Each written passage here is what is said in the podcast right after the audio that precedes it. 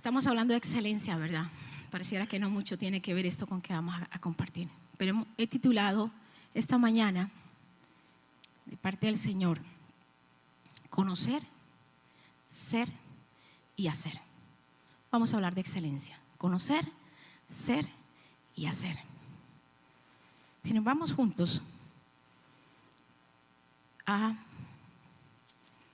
Y se me perdió, porque estoy tan nerviosa, pero ya lo va a encontrar, no se preocupe. Daniel 11, 32. Con lisonjas seducirán a los que violan el pacto, mas el pueblo que conoce a su Dios, mas el pueblo que conoce a su Dios se esforzará y actuará, mas el pueblo que conoce a su Dios será y hará. En este, en este, en este capítulo de Daniel, capítulo 11, están hablando de los imperios, de lo que es, de lo que va a dejar de ser, de las promesas, de la guerra, de la lucha, de, de si lo que Dios dice es verdad, si lo que el imperio romano, el imperio persa, perdón, el imperio persa, todos estos imperios se sostendrían. Nada diferente a lo que usted y yo estamos viviendo hoy. Que el Bitcoin, que el dólar, que Trump, que se va a volver a montar, que, se, que, no, que le robaron, que Biden tiene momentos seniles, que Pelosi, que aprueban, que es, es un ciclo. La vida y la historia es un ciclo. De hecho, el libro de Eclesiastés dice, nada, nada de lo que existe es nuevo. Entonces, en el libro de Daniel están viviendo una, una, circunstancia que usted y yo también estamos viviendo hoy. Y cualquier situación nos puede, Juan Carlos me decía, buscan el diccionario lo que significa lisonjear. Es una alabanza exagerada para ganar el favor de alguien. Cuando nuestros hijos vienen extremadamente cariñosos, ¿usted qué le pregunta? ¿Qué quiere? Cuando el esposo viene extremadamente cariñoso, usted le pregunta, ¿qué quiere? Cuando la esposa está extremadamente cariñosa y cocina rico, dice, ¿qué quiere que le compre? Interés tiene pies. Mentira, no todas hacemos eso.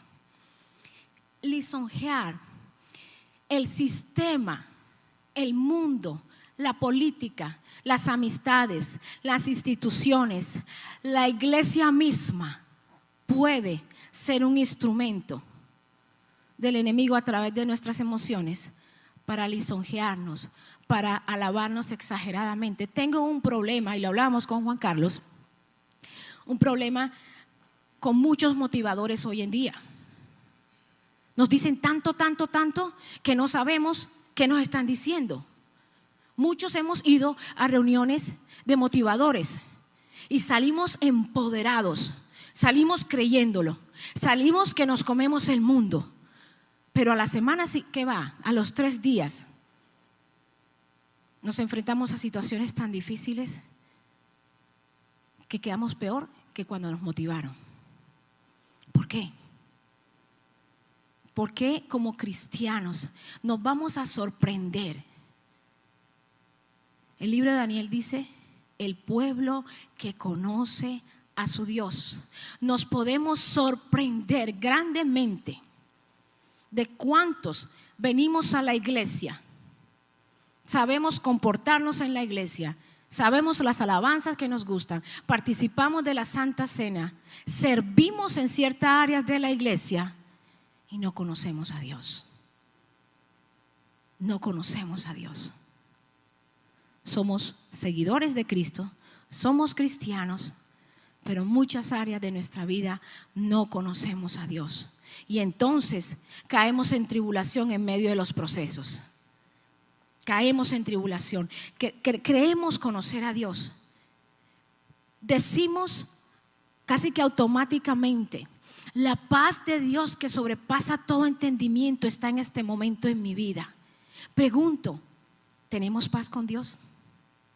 ¿Cómo podemos llegar a, tener esa paz de Dios si con Dios no tenemos paz? Si no conocemos a Dios. ¿Cómo conozco a Dios? Buena pregunta. ¿Cómo conozco a Dios? Buscándole. ¿Cómo yo sé algunas cosas de las que dije ahorita para adorar a Dios? Porque tengo una relación con usted. Porque he pasado momentos con usted. Porque tengo muchos años de compartir grupos de conexión con usted. El compartir momentos con Dios es la estrategia más fácil, más económica y más poderosa del mundo. Pasemos tiempo con Dios. Yo escucho alabanzas. No, usted aquí en la iglesia también escucha alabanza. Es un tiempo con Dios. Usted lee la palabra. Mire, una noche antes de tomar la decisión de que Milo descansara, mis dos hijos y mi esposo estábamos allí delante de Milo le estaban dando convulsiones a nuestro perrito. Y me acordé, me acordé que yo había leído y, le dije a mi hijo, no sé dónde lo dice, pero yo alguna vez leí en la, leí en la Biblia que el, espíritu de los animales vuelve a Dios. No cruzó un, un puente como nos han enseñado la tecnología y la ciencia. He just crushed the bridge. ¿Cuál puente? No, la palabra dice que todo lo que respira alabe a Jehová. Milo, mi perro, alababa al Señor. ¿Cómo? Usted tenía que ver cuando salíamos a caminar y ese animal respiraba profundo. Cuando llorábamos, cómo nos limpiaba las lágrimas cuando Él fue un instrumento de Dios para nuestra vida. Y yo en el momento en que, en que mis hijos, mi esposo y yo estábamos desconsolados por Milo, vino a mí esta palabra. Yo lo leí, no sé dónde, lo voy a buscar y le oré al Señor que me recordara. Hoy en día Google te hace más fácil. Usted coloca solo la frase y Google le dice dónde lo dice en la palabra. Y encontré que en Eclesiastes 3:13 dice que el aliento de mi perrito volvió a Dios. ¿De dónde salió esto? De a, ratitos leer la palabra. De a ratitos. Pero más que conocer y pasar tiempo con Dios, yo le voy a pedir que usted haga una oración. Señor, quiero tener un encuentro contigo. Pídale a Dios, yo quiero tener un encuentro contigo. Usted puede saber muchas cosas de mí, va a las redes sociales, nos conoce aquí en la iglesia, puede ir al restaurante, puede conocer. Pero si usted y yo no nos, no nos hemos ido a tomar un café, o usted no ha venido a mi casa, o yo no he ido a la suya, o no es lo mismo tener un encuentro cara a cara con una persona que saber de esa persona. Muchos sabemos de Dios, pero pocos conocemos a Dios. El día que usted tenga un encuentro con Dios, usted sabe que tuvo un encuentro con Dios. Su vida es un antes y un después. Por eso yo no creo mucho y es muy valedero el que yo ore por usted y su vida cambia, que usted ore por mí y cosas pasan en mi vida. Cuando, cuando yo oro por usted y usted no conoce a Dios y usted no le cree a Dios, muy poquitas cosas van a pasar. Hermana, hermano, oren por mí. Ok, yo voy a orar por ti, Señor, dale provisión. Y empezamos a hablar promesas. Y el Señor dice que todo lo puedes en Él que te fortalece. Y el Señor te dice que te hará cabeza y no cola. El Señor dice que peleará por ti. El Señor dice que abrirá un camino. Pero usted no lo está creyendo. Es necesario que se pongan de acuerdo dos para que las cosas sucedan. Cuando usted tiene un encuentro con Dios, usted escucha esa promesa, promesas de la palabra, enseñanzas, lo que dice una alabanza, la alabanza que acaba de cantar. Si Él viste los lirios de los valles, ¿cuánto más no te vestirá a ti? Si Él cuida de los pajaritos, ¿cuánto más no te sostendrá? Pero sucede y pasa que cuando usted escucha promesas como esa, yo no sé si usted veía esa caricatura de antes, a uno se le para como un diablito aquí y le habla al oído. Le dice, pero ¿te acuerdas lo que estabas viendo? ¿Te acuerdas lo que estabas diciendo? ¿Te acuerdas lo que hiciste? Tú no calificas. Eso que están diciendo, tú no calificas. Y es ahí donde vamos a hablar el ser. ¿Te acuerdas de lo que tú estás sintiendo? Todo el mundo te está viendo bien, todo el mundo cree que todo está bien, pero tú te estás, tú sabes lo que no, no mereces, no calificas, no puedes. Y Jesús dice, hey, yo no fui a la cruz para que tú me dieras un like. yo no fui a la cruz solo para que tú creyeras en mí. Yo fui a la cruz para que tú entiendas que en tus peores momentos es cuando yo me enseñoreo en tu vida. Me voy a adelantar un poquito a la enseñanza. Satanás no te tienta en tus momentos de debilidad. Se nos ha enseñado que cuando estamos débiles, Satanás nos tienta. Cuando usted está débil, usted no, usted no le interesa a él. Usted está débil. ¿Sabes cuándo Satanás se enfrenta y se para enfrente tuyo? Cuando algo grande estás por hacer. Cuando algo poderoso Dios puso en ti para hacer con alguien, con algo en ese momento, y entonces Satanás se levanta. Hasta hoy usted, yo quiero que usted crea que cuando usted es débil es porque Satanás le está haciendo. Cuando usted esté débil solamente escuche palabra, lea palabra y párese. ¿Quiere que le diga algo que me decía mi abuelita? Deje el drama que usted no trabaja para Telemundo. Pues ella decía para Caracol, porque es el canal de, Colombia. Deje el drama. Tuvo seis hijas y, dos, y tres nietas crió. Deje el drama que usted no trabaja para Telemundo. Estas se las estoy diciendo a las mujeres, aunque hay hombres dramáticos. En serio, y, y, literalmente pude escuchar, se lo dije a Juan Carlos, llegué a casa sola nosotros pensábamos que teníamos el nido vacío. No, ahora está el nido vacío. Llegué a casa sola y, hay una sensación como que se fue la luz. Y empecé a dar gritos, gritos al lado de la cama de mi perro. Y parecía que escuchaba a mi mamá decirme, deje el drama, que usted no trabaja para Telemundo. Por ser dramáticas no nos pagan. Por ser dramáticos no nos reconocen. Satanás cuando sabe que usted tiene algo por hacer en esta tierra para otras personas, entonces Él sí se va a poner enfrente suyo. Porque usted le preocupa, porque yo le preocupo. Entonces cuando me enfrento a situaciones tan difíciles, tan dolorosas, como conozco a Dios, sé que está a punto de pasar algo grande. Hace un mes estaba con un COVID absurdo. Yo tengo mis dos vacunas y estuve muy mal. A los 15 días fui al médico porque en este ojo tengo una mariposita volando. Si usted me ve picar el ojo, no crea que le estoy seduciendo, es que estoy acomodando la mariposita. Pero por este ojo yo veo como un 15%, aunque usted no lo crea. Pero con lo que veo por esto, veo muy bien. Y empecé a ver la mariposita y empecé a ver la mariposita y por este ojo no veo. Y entonces le dije a mi esposo y me acompañó al médico. ¿Qué me dijo la doctora? Lo que la ciencia dice. En el que está malito no hay cura. Y la mariposita que tiene ahí es normal. Entonces yo le dije a Juan Carlos, creo que fue la última vez que caminamos junto a Milo, los dos. Le dije, si alguna vez yo me quedase sin vista, solo le pido a Dios no quedarme sin visión. Usted que tiene sus dos ojos bien, dele gracias al Señor. Pero más que mirar, averigüe en Dios cuál es su visión. ¿Qué está mirando? ¿Los problemas? ¿Las situaciones? ¿O está mirando al Dios que ya conoce? Y entonces, luego de que dos semanas atrás vivo lo del ojo, viene ahora lo de Milo. Y le dije a mi esposo, hace dos días, yo sé que algo grande va a pasar. Yo creo que algo grande va a pasar. Yo creo, yo creo que mi Señor, que mi Redentor que Él vive, yo sé, Él me preguntó cómo lo hace. yo, porque conozco a Dios.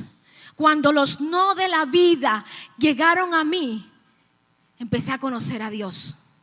Empecé a conocer a Dios. Y cuando usted conoce a Dios, mire, las mamás que estamos aquí, que hemos criado a nuestros hijos. Si a usted una mamá le dice, te estoy llamando para, Sagri, te estoy llamando para contarte una que hizo Michelle. Michelle hizo esto y esto y esto. Usted de mamá sabe lo que es capaz de hacer Michelle. Sabe la forma como Michelle se expresaría. Y entonces hay una relación. Usted conoce a su hija. Y su hija le conoce a usted. Quizás no, como padre no sepamos los detalles de los pecados de nuestros hijos y créanme hijos que no los queremos saber. Le voy a decir un dicho, lástima se fueron los muchachos, pero es bueno que ellos vayan. Nuestros hijos que apenas van sembrando el maíz, creen que nosotros no conocemos el maíz. Y lo que no saben es que estamos sentados en la sala comiéndonos las palomitas ya hechas. Los hijos no nos dan la vuelta a los padres como Sagri conoce a sus hijas. No conocemos detalles, pero sí conocemos el hijo que hemos formado. Así deberíamos conocer a Dios. Usted sabe que Dios no le está mandando la prueba para castigarle. Usted sabe Dios que no le está mandando una enfermedad para saber si usted le ama. Mi Dios no es esquizofrénico. Es necesario conocer a Dios. Es necesario saber que Dios es por usted. Es necesario que no fue que usted le amó a Dios y por eso lo bendijo. Él te ha amado con amor eterno. Es necesario que usted y yo sepamos que no es usted bueno, que es que a través de Jesucristo somos justos, que usted no es maduro y perfecto en sus fuerzas, sino que Él murió en la cruz por ti y por mí por los pecados que cometiste, por los que estamos cometiendo y por los que vamos a hacer. Entonces sepa usted que usted sí califica, no por lo que usted hace, sino por lo que usted es. Usted es hijo de un Dios que todo lo puede. Amén. Todo lo puede. Pero ¿cómo sé yo si todo lo puedo si no conozco a aquel que todo lo puede? Usted necesita conocer, yo necesito cada día conocer a mi Dios, conocer a mi Dios. Lo compartí el lunes, y lo, el lunes en la mañana, y se lo comparto hoy. No se avergüence de ninguna de las estaciones que usted ha vivido. No se avergüence de las necesidades que ha pasado. No se avergüence de los errores. De, reconozca a Dios en sus caminos y Él hará reconozca a Dios. No cambiaría, se lo he dicho a mis hijos, no cambiaría un día de mi niñez, de las carencias que, hubo en casa. No cambiaría un día de los que fui con los zapatos apretados a la, a la escuela de mi vecina y tenía que devolvérselo escondida antes que la mamá se diera cuenta. Y casi por mucho tiempo las dos uñas del dedo gordo las tuve moradas porque iba a la escuela con zapatos apretadísimos. Entonces cuando hoy me compro un par de zapatos, digo, gracias Dios. Gracias Dios. Cuando veo a alguien que necesita un par de zapatos, ¿qué hacemos? Buscamos la provisión para que tenga zapatos. No cambiaría un día de mi historia porque conozco a Dios. No ha sido en mis fuerzas, no ha sido en los planes que tuvieron los que me criaron, ha sido en el plan que Dios tenía para ti y para mí. Déjame decirte, es ahora, tienes algo por hacer todavía. Sonia Guerra, lo que pasaste al comenzar el año, ahorita que entraba a la puerta, me contó el testimonio de su familiar allá en, en Guatemala. Toda y cada una de las cosas por las cuales usted está pasando y ha pasado son instrumentos de Dios en tus manos. Pero tenemos que conocer a Dios. Dios no está en el negocio de castigarnos. Dios no está en el negocio de probarnos. Dios sabe que tenemos momentos de debilidad. Dios sabe que tenemos momentos de angustia. Dios sabe que tenemos momentos en que esta vieja rutina nos agobia de desesperanza, los que están esperando documentos de migración. Yo sé de lo que es la ilusión ir todos los días al correo a esperar la carta de migración, pero también sé la felicidad que hay cuando usted recibe la carta de migración. Pero usted que ya tiene los documentos, yo quiero que no se le olvide eso. No se le olvide que un día usted estuvo en la posición que muchos están entonces usted puede decirle a una persona, si a mí me duraron seis años los documentos en llegar, a ti te va a durar un año. Porque Dios va en avanzada. Dios tiene, Dios tiene los tiempos marcados. Dios no quiere que usted, que usted esté sentado esperando nada. Reconócelo en todos tus caminos y Él hará. Dios tiene un plan. Pero es necesario que usted conozca a Dios. ¿Qué va a hacer Dios? ¿Por qué Dios permitió esto? Cuando usted conoce a Dios, usted sabe que Dios no dijo, yo aprieto pero no ahorco. Dios no dijo eso. Dios no dijo, ayúdate que yo te ayudaré. No hay forma que el ser humano se pueda ayudar para sobrepasar el plan que Dios tiene.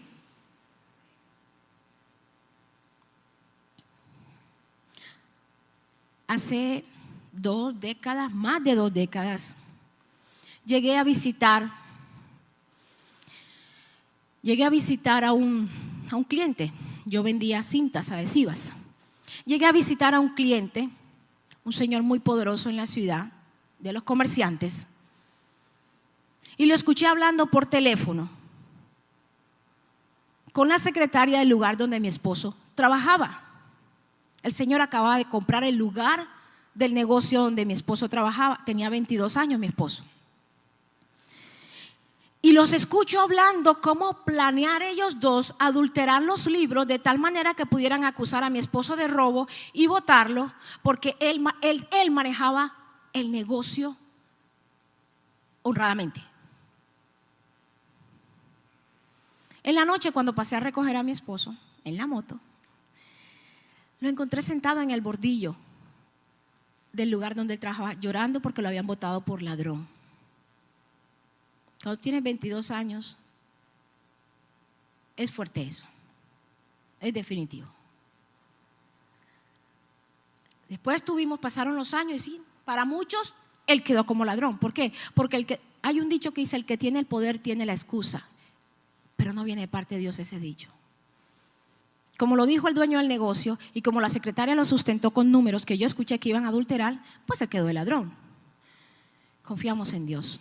Confiamos en el Señor, confiamos. Un día esa muchacha se convirtió a Cristo y estando en una iglesia se acercó a nosotros y nos pidió perdón. Gracias al Señor reconoció a Cristo.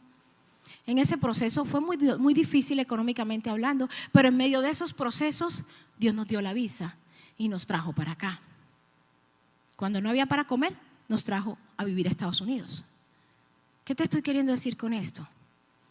Que Dios es tu justicia que Dios conoce los planes del enemigo, pero él dice que tengo planes de bien y no de mal. A mí no se me olvida el joven de 22 años sentado en un bordillo, acusado de ladrón, con una niña de meses y con un niño de 5 años. Y mucho menos, mire, no se meta. Cuando a una mujer le tocan el marido, una mujer que ama a su marido, y esa mujer conoce a Dios, esa mujer va a orar a Dios. Y Dios, como es Dios, va a hacer justicia.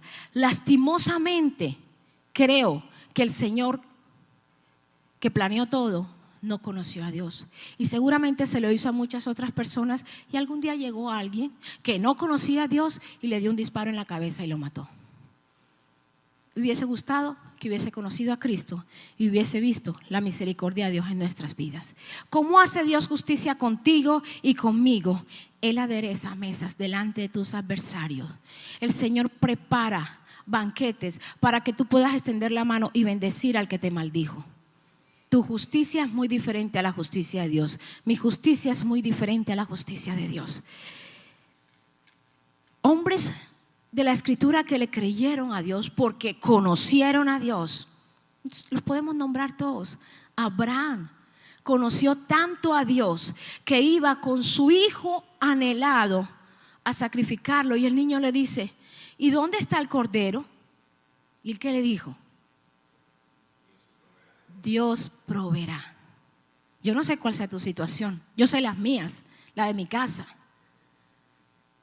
pero Dios proveerá. Y subieron dos. Y la ciencia y la humanidad decía que iban a bajar uno solo y que a Isaac lo iban a sacrificar. Pero Dios hizo provisión. Y en el momento de mayor obediencia de Abraham, apareció un cordero. Aparecerá el cordero en tu vida en el momento en que más lo necesites. Esther, mire, cuando Esther se levanta, la reina Esther.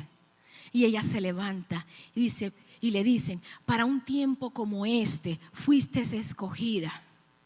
Y entonces la mujer llama y dice, pónganse en ayuno y acompáñenme que yo voy a ir a donde el rey porque tengo una razón. mis padres murieron, me crió, no sé si era el tío o el primo, me crió el tío, después me tocó vestirme de doncella a ver por si acaso yo le gusto al rey, le gusté al rey, pero no soy la única, soy una de tantas, pero conozco a mi Dios. Y si perezco, que perezca, pero lo voy a hacer por mi pueblo. Y arriesgó su vida Esther. No fue un momento de debilidad, fue un momento donde ella era una doncella, donde ella le gustaba al rey, pero se se atrevió a arriesgarlo todo porque conocía a Dios, porque conocía a Dios. Vámonos para Lucas. Bueno, no me pusieron a descontar el reloj, o sea, parece que el tiempo va a ser infinito. Sigo con 40 minutos para enseñar. Lucas 4. Jesús, lleno del Espíritu Santo, volvió del Jordán y fue llevado por el Espíritu al desierto por 40 días y era tentado por el diablo. No comió nada en aquellos días, pasados los cuales tuvo hambre. Escuchen esto. Entonces el diablo le dijo, si eres, ya queda claro que Jesús conocía a Dios. Y él le dice, si eres, si eres el Hijo de Dios, si eres el Hijo de Dios, dile a esta piedra que se convierta en pan. Y Jesús respondiéndole dijo que escrito estaba. ¿Sabes qué dice la palabra cuando dice que Cristo estaba? Él sabía. Jesús sabía, Jesús sabía, Jesús sabía que de no solo pan vivirá el hombre. Jesús sabía, la escritura te enseña y me enseña que Jesús sabía. ¿Acaso, si lo leemos, qué le dijo, qué le dijo Satanás al, a, a, Jesucristo? Si eres el Hijo de Dios, di a esta piedra que se convierta en pan. Pero, pero leemos un, unos versículos anteriores. Aconteció que cuando el pueblo se bautizaba, también Jesús fue bautizado. Y orando al cielo, se abrió y descendió en forma de paloma el Espíritu Santo que habita en ti y que habita en mí. Ese que me ha sostenido y te ha sostenido a ti. Y dijo, este es mi hijo amado en quien tengo complacencia. Él es mi chichi, él es mi niño, él es mi todo. Todo lo que usted le pueda decir a su hijo, el Señor se lo dijo a Jesús. Este es mi hijo amado en quien mi plan se cumplirá. Este es mi hijo amado que me obedecerá hasta la muerte y en él me complazco. Entonces, ¿cómo Satanás le va a preguntar a Jesús si eres el Hijo de Dios? Satanás no sabe los planes que Dios tiene contigo. Lo que sí sabe es que tú eres un arma de parte del Señor para rescatar a muchos del infierno. Esa es la mayor amenaza que enfrenta Satanás contigo y conmigo que somos un instrumento de Dios para predicar a Cristo, que somos un instrumento de Dios para llevar salvación, que somos un instrumento de Dios para dar esperanza donde no hay. Los ángeles quisieran hacerlo, pero es un trabajo que se te ha delegado a ti y a mí. Y Satanás va a querer. Escuché una enseñanza. El infierno no fue creado para el ser humano. Dios no anda mandando al infierno a todo aquel que no le obedece. Él quiere perdonarte todo el tiempo a través de Jesús. El infierno fue creado para la desobediencia de Satanás, pero hoy a través de Jesucristo a través de la salvación, el hombre escoge dónde vivir eternamente. Y el que no conoce a Dios tiene la tendencia a hacerlo en sus fuerzas y buscar que le soba en la espalda, que le den un puesto. Mire, nuestros países, aquí también, pero no conozco mucho el sistema, lo montan a usted en un puesto político si usted sabe ni siquiera la constitución del país al que usted sirve. Y usted va a reunirse con ellos, va a sacar un documento y parece que hablaran otro idioma están ahí porque los pusieron. Pero usted y a mí nos ha escogido Dios para este tiempo. ¿Lo cree? ¿Lo cree? Yo lo creo porque conozco a mi Dios, porque conozco al Señor. Y él le dice, entonces el diablo le dijo, si eres el Hijo de Dios, di esta piedra que se convierta en pan. Y Jesús le respondió, escrito está, no solo de pan vivirá el hombre, sino de toda palabra de Dios. La tentación muchas veces viene por nuestras necesidades, pero confía en Dios. Satanás no quedándose tranquilo con eso, dice nuevamente, y lo llevó al diablo a un monte alto y le mostró en un momento todos los reinos de la tierra y le dijo al diablo, a ti te daré toda esta potestad y la gloria de ellos, porque a mí me ha sido entregada y a quien quiero se la doy. Si postrado me adorares, todo será tuyo. Se nos expone a que porque tengo, soy. ¿Cuánto tienes? ¿Cuánto vale? Es otra mentira del sistema, del mundo, de la cultura. ¿Acaso?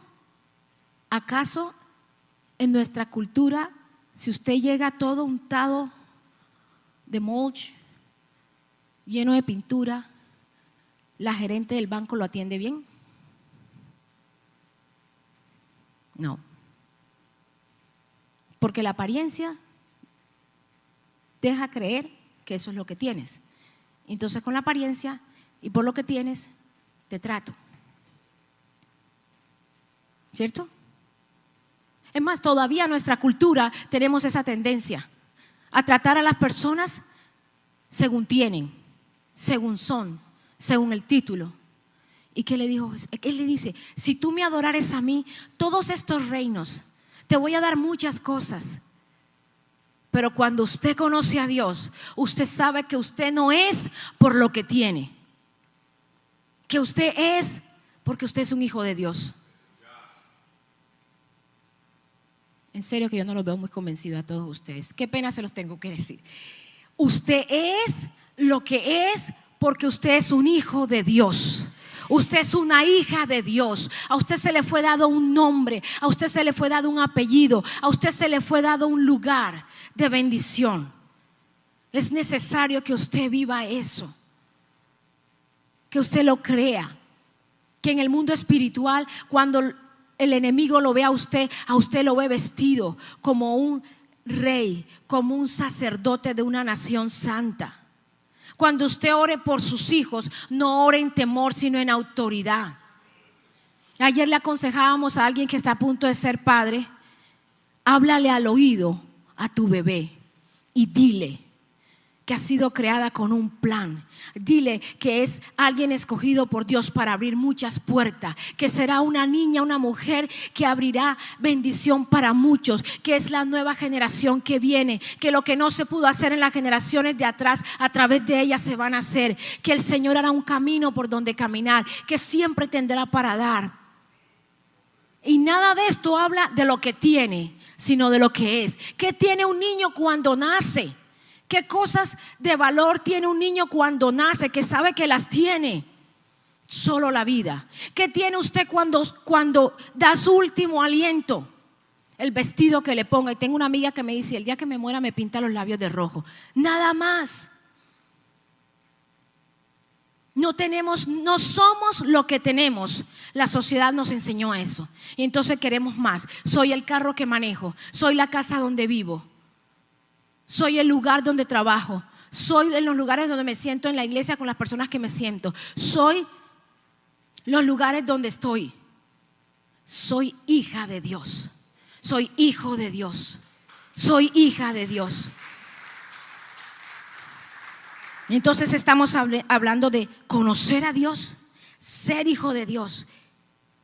Y por último, le dice Satanás, lo llevó a lo alto y le dijo,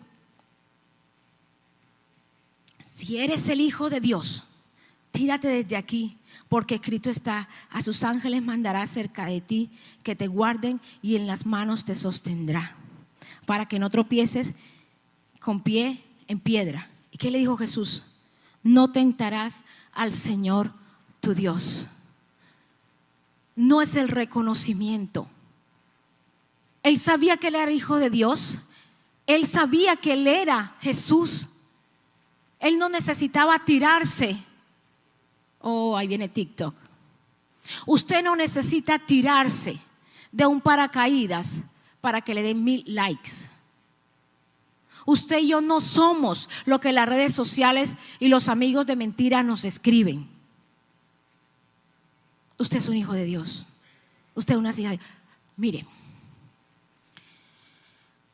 esta generación, y no tengo nada en contra de esta generación, es la generación de mis hijos y de mis nietos, es mi prolongación de vida. Esta generación es, es, por lo que hemos vivido, esta generación es por lo que enseñamos, esta es la generación por la cual hemos pasado 21 años en esta iglesia ya casi. Esta generación es lo más importante que tenemos, pero la tecnología les ha enseñado que de acuerdo a los likes, de acuerdo a los seguidores, de acuerdo a lo cool que tú te puedes ver, eso es lo que vales. Mire, le voy a ser honesto para los que no manejan redes sociales y creen en esto. Como empresa, tenemos una compañía que nos hace las redes sociales. Es importante las redes sociales. No estoy en contra de las redes sociales, pero nosotros tenemos personas sentadas mirando nuestras redes sociales que miren quién nos dio un like. Y entonces después que nos dan un like, la empresa para la cual trabaja Parrandos va a donde esa persona que nos dio un like, le da un like para que nos empiece a seguir y entonces ya no tenemos mil seguidores, tenemos cuatro mil seguidores. ¿Son reales? Sí son reales, nos están siguiendo. ¿Van a comer al restaurante? No todos. Si nuestro restaurante funcionara por los likes que nos dan o por los seguidores que tuviéramos, necesitaríamos tener unos 6, 7 restaurantes más. Así que las redes sociales no te pueden definir. Son un instrumento de bendición. Es la nueva forma de trabajar para muchos, pero no es tu esencia. Es un instrumento, pero no es mi esencia. La gente que va a comer al restaurante no se come la foto que yo pongo, llega a buscar el tamal de lote. Ya les provoqué, ¿verdad? Eso es lo que eres, lo que eres, no lo que publicas. No te decepciones ni te emociones por lo que digan de ti en las redes sociales. Deja que sea una bendición usada por parte de Dios, pero no te define. Ya casi estoy terminando. Me quedan dos minutos y me lo pusieron. Yo no le voy a presumir de mis hijos porque usted sabe que para las mamás todos los hijos son lindos. ¿Cierto, Karen? La muñeca más bella que Dios te ha regalado. Yo no puedo presumir de los hijos lindos que Dios me dio porque ustedes los conocen. Yo no le puedo presumir a usted de mi esposo, de lo enamorado que está de mí, ¿cierto, mi amor? Yo no le puedo presumir de mi esposo porque ahí está, usted lo conoce. Yo no le puedo presumir del café que me tomo en las mañanas, porque muchos de ustedes ya lo han tomado y los que no, los espero en casa. Yo no le puedo presumir de la iglesia de donde soy y de donde he sido instruida, porque usted está aquí. En esta iglesia le celebramos los 15 años a esta muñeca hace muchos años vestida de rosado. Y aquí, y ahí están, ya tiene un hijo así de grande que está en la clase. Yo no le puedo presumir porque usted ya lo conoce, usted lo sabe. Yo no le puedo presumir de Linda, nuestra cantante, porque aquí le hicimos el baby shower. Yo cuando iba a la casa de Linda a peinarme en las mañanas para ir a trabajar al banco, Linda de dos, tres años me decía, yo no te quiero, no vengas, no vengas, no te quiero. Porque yo llegaba a robarle a la mamá una hora para que me peinara. Yo no le puedo presumir, porque usted lo sabe. Pero ¿sabe de qué, de qué sí quiero presumir el resto de mis días? Con mariposas en el ojo y no en el estómago. Qué raro, las mariposas son para el estómago, ¿no? El pasa que tienen que bajar un poquito. ¿Sabe de qué le quiero presumir el resto de mi vida? De mi Jesús. De mi Jesús. De mi Jesús. De aquel que me amó, de aquel que me perdonó, de aquel que me vio con un niño de la mano y me presentó a Juan Carlos. De quiero presumirte de aquel que ha hecho un camino para que yo camine, de aquel que me ha dado amigos incondicionales de aquel que me ha dicho en mis momentos de debilidad, esfuérzate y sé valiente, porque largo camino hay para ti. De eso sí quiero presumir a mis hijos y a mis nietos. Tiago, tú eres un hijo de Dios. What's that? ¿Qué es eso? Y empiezo a decirle lo que es un hijo de Dios. Me dice, ok, de eso quiero presumir a mis generaciones. ¿Qué voy a presumir de mis nietos si ustedes saben que son lindos? Usted lo sabe pero yo lo sé. ¿De qué le puedo presumir? De que estos zapatos me aprietan y, no es cómodo estar aquí en tacones, pero me quise ver altica para estar aquí. De eso no le voy a presumir, le voy a presumir de que Él perdonó todas mis iniquidades y las que voy a cometer. ¿De qué le voy a presumir? De que Él me dijo que Él estaría conmigo todos los días de mi vida y con usted también. Póngase de pie, por favor. ¿De qué le quiero presumir? De que Él esta mañana quiere estar en el centro de tu corazón por el resto de tus días. ¿De qué le quiero presumir? De que cuando Satanás viene a tentarle, ya Él ha hecho provisión para defenderte. Que Él está delante de ti rodeándote. Que Él hará un camino por donde caminarás. Que por torpe que fuéramos, Él no nos va a dejar extraviarnos. Él ha creado un camino para las generaciones venideras. ¿De qué puedo presumir? Que Él me ha dicho que yo soy cabeza y no cola. ¿De qué te puedo presumir? Que mis hijos hablarán hablábamos el otro día del legado. A mí no me importa porque no lo voy a saber, porque la Biblia lo dice, que cuando nos morimos no sabemos nada de lo que pasa aquí en la tierra, y menos mal. Cuando yo me muera, yo no voy a saber lo que va a decir en mi tumba.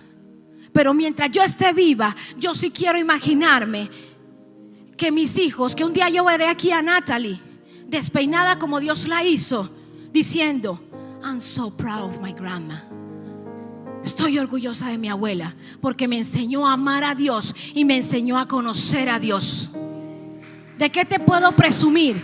De que a donde usted vaya, donde usted vaya, si usted tiene la capacidad de montarse en las alas del alba para esconderse de Dios al otro lugar del occidente y del oriente, ahí estará Dios esperándote. De eso me voy a sentir orgullosa todos los días de mi vida. De que aún los niños que no se han formado en los vientres de Carolina y de Valerie, ya los escogió Dios para bendecirlos, para que sean de bendición y de tu vientre también. Créele a Dios. Créele a Dios, pero conócele. ¿Cómo puedes creer en alguien que no conoce? Créale, pero conózcale. Sepa que cuando Satanás viene con, con esa perversión de hacer daño, delante de ti está Dios. Que en los momentos más débiles que usted haya tenido o que vaya a tener, acuérdese que Jesús no murió en la cruz para que le dieran un like. Él murió para que tengas vida y vida en abundancia. Ahí en casa donde usted está, y aquí por favor incline su rostro. Dígalo con convicción, dígalo con pasión, dígalo como lo quiera decir, pero créalo. Señor Jesús, yo te recibo como mi Señor, como mi Salvador. Te pido que escribas mi nombre en el libro de la vida y que nunca sea borrado.